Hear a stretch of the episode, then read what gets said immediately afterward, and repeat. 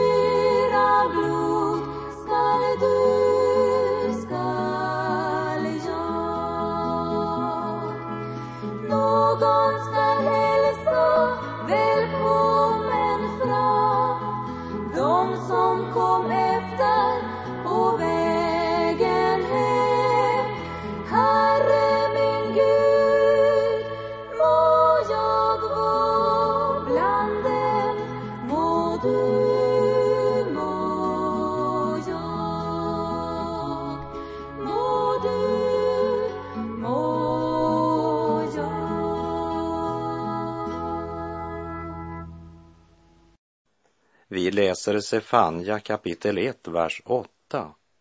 Och det skall ske på dagen för Herrens slaktoffer, att jag skall straffa furstarna och kungasönerna och alla som klär ut sig i utländsk dräkt. Inte ens det mäktigaste kunde undfly denna dag. Guds dom ska gå över ett folk som avfallit från Gud på ett sådant sätt att till och med deras sätt att klä sig var präglat av synden. Petrus skriver i sitt första brev kapitel 3, vers 3 och 4. Er prydnad ska inte vara något yttre, konstfulla håruppsättningar, påhängda guldsmycken eller fina kläder, utan hjärtats dolda människa med den oförgängliga skönheten hos en mild och stilla ande. Det är mycket dyrbart i Guds ögon. Ju längre avfallet nått, desto viktigare blir fasaden. Det är så viktigt att imponera på andra, att själv framstå med ett gott sken. Och i sin bergspredikan säger Jesus att vi ska inte bekymra oss vad vi ska äta eller vad vi ska klä oss med. Efter allt detta söker hedningarna, säger han i Matteus 6. Genom avfallet hade egyptiernas, kaldéernas och syriernas klädesdräkter, livsstil och seder börjat prägla folket i Juda. Titus han får följande förmaning av Paulus i Titus brev kapitel 2, vers 11 och 12. Ty Guds nåd har uppenbarats till frälsning för alla människor. Den fostrar oss att säga nej till ogudaktighet och världsliga begär och att leva anständigt, rättfärdigt och gudfruktigt i den tid som nu är. Och denna anständighet, den gäller även klädmode, ja, hela vår livsstil och hållning. Samtidigt gäller nog Sefanja ord också de dräkter avgudaprästerna bar, så att de utländska dräkterna också siktar till deras tillbedjan av främmande gudar. Herren skall straffa furstarna och kungasönerna och alla som klär sig i utländsk dräkt. Inte ens den mäktigaste eller rikaste kan köpa sig fri när Gud straffar synden. Men domen gäller inte bara de rika som levde i frosseri, utsvävningar och omoral. Den gällde alla som levde på hedningarnas vis. Vi läser Sefanja 1, vers 9. Jag skall på den dagen straffa alla som hoppar över tröskeln, dem som fyller sin herres hus med våld och svek. Orden om att hoppa över tröskeln talar också om att förtrösta på andra gudar. Det talar om dem som tillber avguden Dagon vi ska repetera något vi läste när vi vandrar genom Första Samuelsbokens femte kapitel, som förklarar vad de här orden siktar till. Jag citerar Första Samuelsbok 5, verserna 1 till och med 5. Filisteerna tog Guds ark och förde den från Eben Haeser till Astod. Det bar Guds ark in i Dagons tempel och ställde den bredvid Dagon. När astoditerna tidigt dagen därefter kom dit fick de se Dagon ligga framstupa på marken framför Herrens ark. Då tog de Dagon och satte upp honom igen på hans plats. Men när de tidigt nästa dag kom dit fick de se Dagon ligga framstupa framför Herrens ark. Dagons huvud och hans båda händer hade slagits av och låg på tröskeln. Bara fiskdelen satt kvar på honom. I Astod trampar därför ingen än idag på Dagons tröskel. Varken Dagons präster eller någon annan som går in i Dagons tempel. Så av frukt fruktan för avguden Dagon hoppade alla över tröskeln när de gick in i Dagons tempel. Allt det här står som en bild på övertro och vidskepelse. Sådana som talar om lyckotal och olyckstal. Man går inte under en stege eller man spottar tre gånger när man ser en svart katt gå över vägen. Jag ska på den dagen straffa alla som hoppar över tröskeln, säger Herren. Och han går ett steg vidare och säger dem som fyller sin herres hus med våld och svek. Religiösa var man, men inte gudfruktiga. Trodde på det övernaturliga, det gjorde man, men inte på Israels helige. Men nu närmar sig ögonblicket då det ska visa sig vad det är värt, det de förtröstar sig på lever för och har sin glädje i. Framför allt var det fiskare som offrade till Dagon, vars ena del var formad som en del av en fisk. Vi läser Sefania 1, vers 10. Och det skall ske på den dagen, säger Herren, att klagorop skall höras från fiskarnas port och jämmer från den nya staden och ett mäktigt dån från höjderna. Fiskarnas port, det är det vi idag känner som Damaskusporten. Genom den här porten fördes fisken från Galileiska sjön och Jordanfloden. Den rika handeln skulle hastigt ta slut. Klagorop skulle höras när ingen fisk mer fanns att köpa. Även från andra delar av staden skulle jämmer höras och ett mäktigt dån från höjderna. Det vill säga, domen skulle drabba varje liten del, den minsta avkrok såväl som de centralaste platser. Ingen skulle komma undan. Vilken riktning man än försökte fly skulle nöden och jämmern möta den flyende. Vi läser Sefanja 1, vers 11. Jämra er, ni som bor i mortelkvarteret, ty det är förbi med hela skaran av köpmän. Utrotade är alla som handlar med silver. Platsen där silvret och rikedomen flödade skulle krossas platsens namn, Mortelkvarteret, skulle få bokstavlig betydelse när alla som bodde där skulle krossas som kryddorna krossas i en mortel. Men det var ingen som trodde att det kunde hända. Synden invaggar människan i en falsk trygghet. Köpmännen såväl som övriga befolkningen i mortelkvarteret kände sig trygga. Det går som det alltid har gått, allt går sin gilla gång. Ät, drick och var glad. Slappna av, lev livet i lugn och ro. Lyssna inte på pessimisten Sefanja.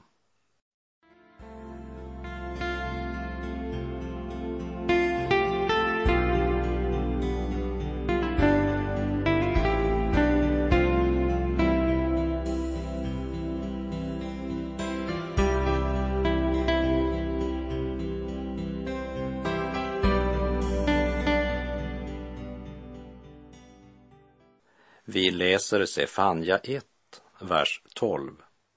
Och det skall ske på den dagen, säger Herren, att jag ska leta igenom Jerusalem med lyktor och straffa de män som nu lever där i lugn och ro och säger i sina hjärtan, Herren gör ingenting, varken gott eller ont. Det är många människor som har en slags ödestro och deras trosbekännelse den karaktäriseras bäst genom orden i en gammal slager från 60-talet där refrängen var Que sera, sera. Det sker vad som än ska ske. Sin framtid kan ingen se. Que sera, sera. Det som sker, det sker. Eller som folket på Sefanja tid sa i Juda och Jerusalem. Herren gör ingenting, varken gott eller ont. Man såg Gud som en gammal gubbe med vitt skägg som satt på en eller annan avlägsen plats, helt ointresserad av vad som hände bland människorna på jorden. En annan översättning säger Jag skall straffa dem som ligger där dästa av vin, dessa som tänker Herren gör ingenting. Den ro som vinet skänker är inte den frid som Jesus ger. Min frid ger jag er, sa Jesus till sina lärjungar. Inte ger jag er en sådan frid som världen ger. Låt inte era hjärtan oroas och var inte modlösa, som det står i Johannes 14. Den ro som världen ger är det motsatta av den frid Jesus ger. Världens ro, den består i att man inbillar sig att Gud är långt borta och att han inte gör något, utan att han dragit sig tillbaka och är gammal och handlingsförlamad. Herren gör ingenting. Guds barns ro och frid bygger på vad Gud har gjort och att han sitter på tronen ännu och har hela världshistorien i sin hand. Han har full kontroll och han utför sitt verk efter sin eviga och gudomliga plan. Och i tidens fullbordan skall Kristus komma åter på himmelens skyar i ära, makt och härlighet för att döma levande och döda. Tron på Gud och livet i Kristus betyder inte en problemfri tillvaro. Inte heller är det verklighetsflykt, tvärtom. Tron på Gud betyder att leva i korsets paradoxala verklighet. Som Jesus säger i Johannes 16, vers 33. Detta har jag talat till er för att ni skall ha frid i mig. I världen får ni lida, men var vid gott mod. Jag har övervunnit världen. Den ro som bygger på inbildningen att Gud inte ska gripa in, den kommer hastigt att förbytas i ångest när man till sist måste skörda vad man har sått. Och det kommer uppenbarligen helt överraskande över den som förkastat Gud och valt synden som sin källa till glädje och lögnen som grund för sin ro. Det skall ske på den dagen, säger Herren, att jag skall leta igenom Jerusalem med lyktor och straffa de män som nu lever där i lugn och ro och säger i sina hjärtan, Herren gör ingenting, varken gott eller ont. Det gäller både folket i Juda och Jerusalem som snart skulle drabbas av Herrens vrede på grund av sitt avfall och sin synd.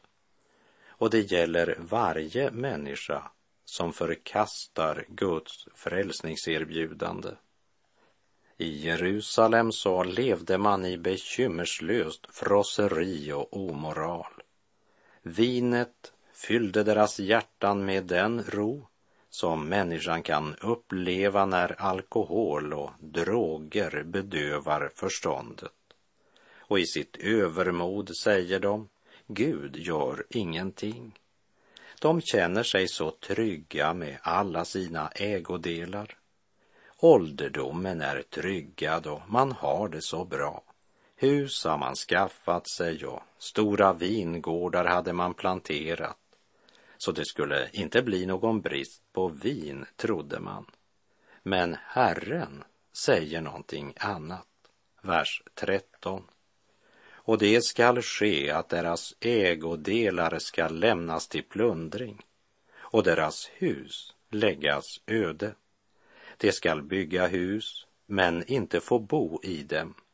De skall plantera vingårdar, men inte få dricka vinet från dem. Allt det som de trodde var verklighet, det skulle snart läggas i grus. Och det osynliga, det eviga, det hade de varken tid eller lust att tänka på. Och när de minst av allt hade väntat det mötte de sitt livs största överraskning. Den mest undangömda synd, det mest dolda svek och den mest välkamouflerade överträdelse träffades plötsligt av Herrens väldiga strålkastarljus. De hade inte velat komma till ljuset för att eh, deras gärningar inte skulle bli avslöjade. Men nu var nådatiden slut. Nu kom ljuset till dem, vare sig de ville det eller inte. Och det var ett ljus som avslöjade allt, absolut allt.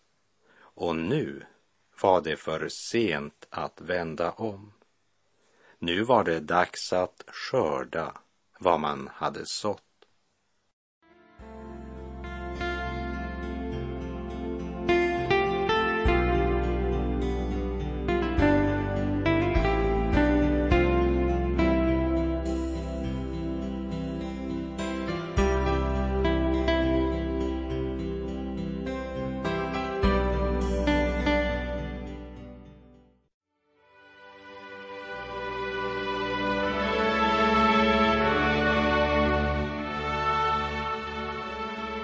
Har lyssnat till programserien Vägen genom Bibeln med Kurt Westman som sänds av Transworld Radio.